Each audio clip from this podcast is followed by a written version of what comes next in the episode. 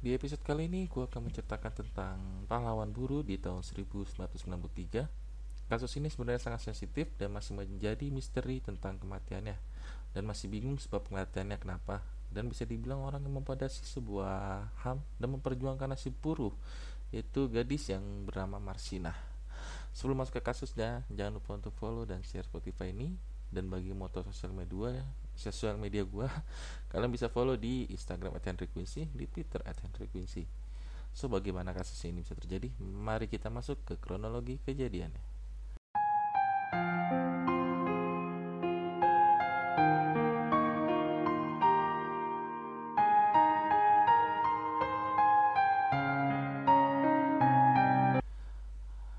Marsina yang lahir di tanggal 10 April 1999 Anak nomor dua dari tiga bersaudara ini merupakan anak dari Sumini dan Mastin.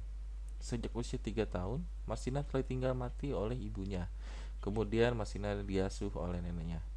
Marsina juga menempuh pendidikan di SD Karangasem 189, SMP 5 Nganjuk, dan di SMA Muhammadiyah Nganjuk. Selama sekolah, teman-temannya memberi kesaksian dia seorang gadis cerdas, mempunyai wawasan dan intelektual tinggi.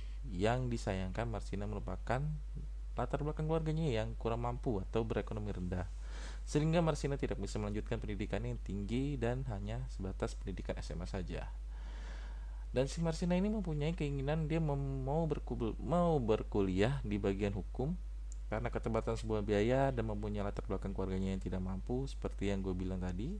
Akhirnya Marsina memutuskan untuk meninggalkan desa dan bekerja atau merantau dan akhirnya di tahun 1989, Marsina bekerja di perusahaan pertamanya, yaitu menjadi sepatu bata.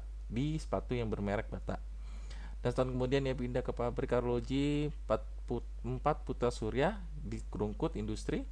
Sebelum akhirnya ia pindah mengikuti perusahaan tersebut yang membuka cabang di Siring Porong Sidoarjo. Dan Marsina masih berjuang untuk memasuki perguruan tinggi ketika dia bekerja. Dia juga mempunyai kebiasaan mencari informasi dari televisi hingga surat kabar pada saat itu. Dan dia juga suka membuat clipping dari surat-surat kabar yang dia baca. Marsina juga dikenal oleh teman-temannya di pabriknya orang yang baik, supel, dan ramah dan suka memberikan saran. Dan juga membantu teman-temannya yang diperlukan yang diperlakukan sorry tidak adil oleh atasannya. Dan dia juga dikenal sebagai seorang pemberani dan sering mengutarakan pendapat ya bila ia tidak merasa tidak cocok di pekerjaannya.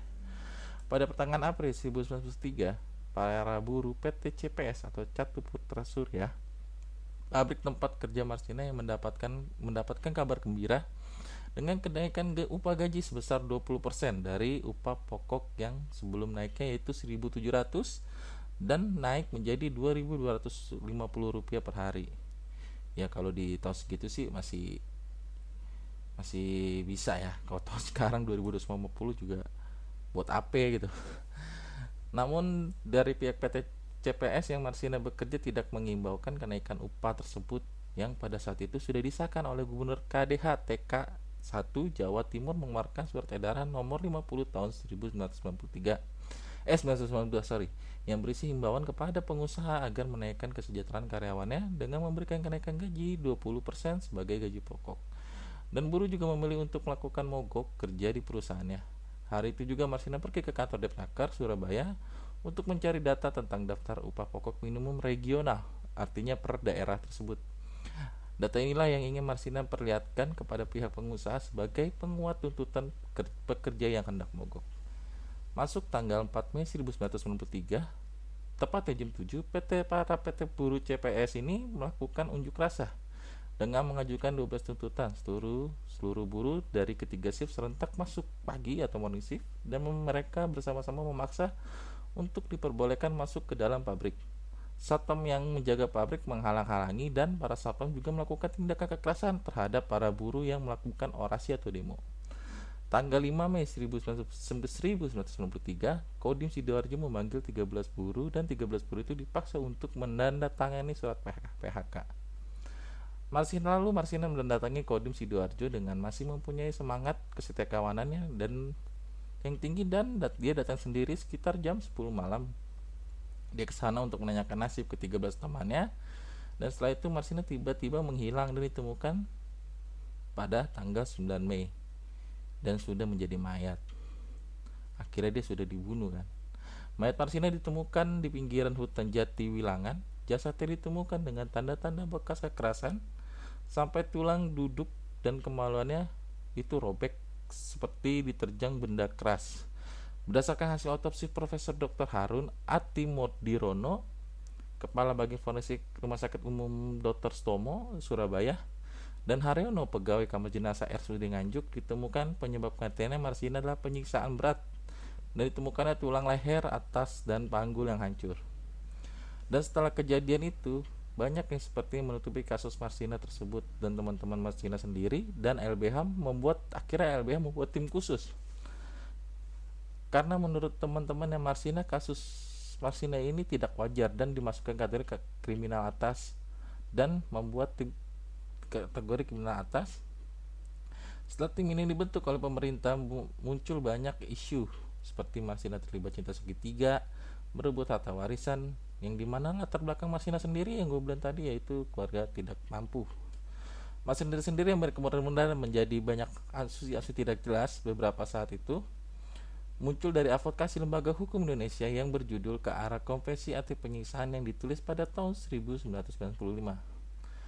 Di buku itu bahwa ada 10 pegawai PT CPS yang disekap selama 19 hari dan penyiksaannya berbeda-beda selama disekap ada yang ya seperti hal yang tidak inilah tidak wajar. Ada penisnya disetrum disuruh ngepel pakai lidah bahkan dan di sekretaris PT CPS yang bernama Mutiari diancam akan ditelanjangi dan disetrum.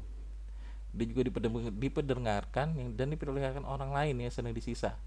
Penyiksaan itu menyebabkan Mutiari kehilangan bayinya yang sudah dikandungnya selama tiga bulan.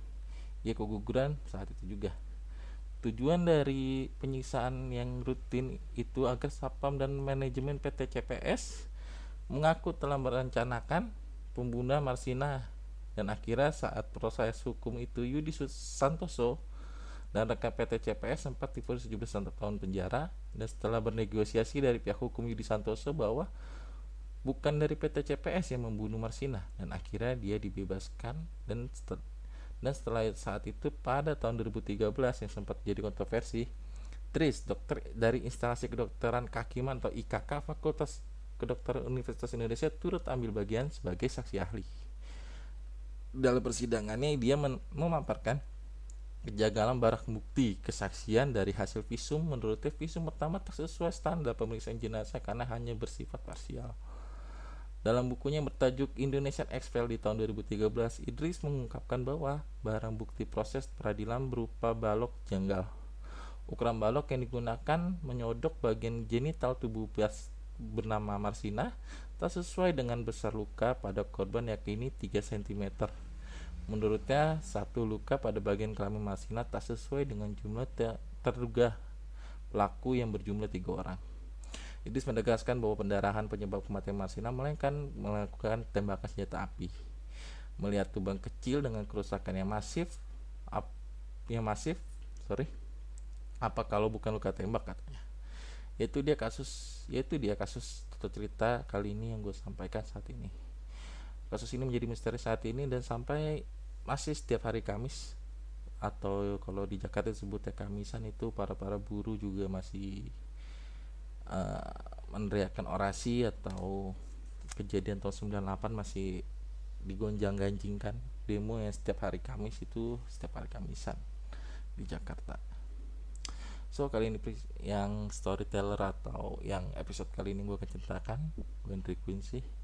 Sampai jumpa di kasus berikutnya.